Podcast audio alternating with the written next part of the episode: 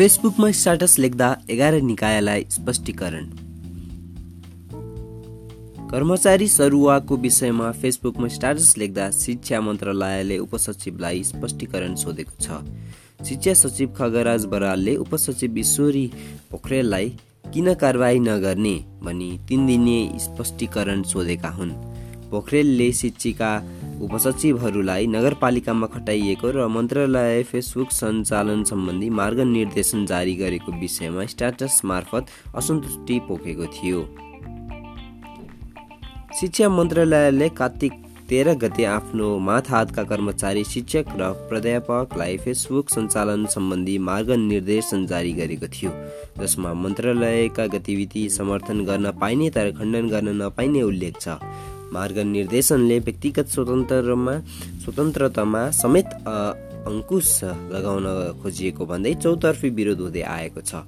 पोखरेलले कार्तिक सोह्र गति स्टाटस लेखी मन्त्रालयका गतिविधिबारे प्रश्न उठाएका थिए। उनले मङ्गलबार प्रधानमन्त्री शिक्षा मन्त्री लगायत सरकारी विभिन्न एघार निकायलाई स्पष्टीकरण पठाएका छन्।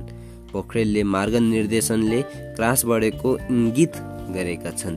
शिक्षा मन्त्री र सचिव उदाहरण बन्नुन्। सलाम ठोकिन्छ तर अन्याय सहिन्न। उनले फेसबुकमा लेखेका छन् मन्त्रालयको समर्थनमा लेख्न छुट रे असहमत र विमतिमा लेख्नेलाई निगरानीमा राख्ने र विभागीय कारवाही गर्ने भएको छ अरे फेसबुकमा हात चलाउन खोज्दा बाफ रे डरले थरथर कामेको शरीर।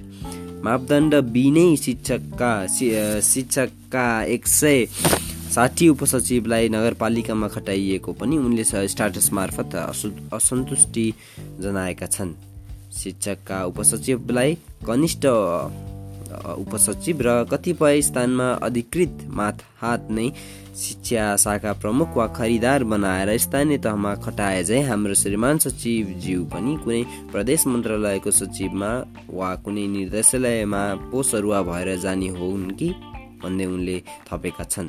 शिक्षा मन्त्रीज्यू पनि कुनै प्रदेश मन्त्रालयको मन्त्री पद स्वीकार गरी जाने त होइन भन्ने मनमा पलायो। सचिव र मन्त्री प्रदेश गए। उपसचिवहरू कार्यालय सहयोगी भएर जान तयार रहेको समेत उनले जिकिर गरेका छन्। दसैँ अघि मन्त्रालयले गरेको सुरुवा सरुवामा शिक्षकका अधिकांश उपसचिव असन्तुष्ट छन्। कतिपयले खटाएको ठाउँमा ज्ञा जान नसकिने भन्दै निवेदन दिएका छन् भने कतिपय सरुवा भएको नगरपालिका भन्दा अन्यत्र खटिन थालेका छन्।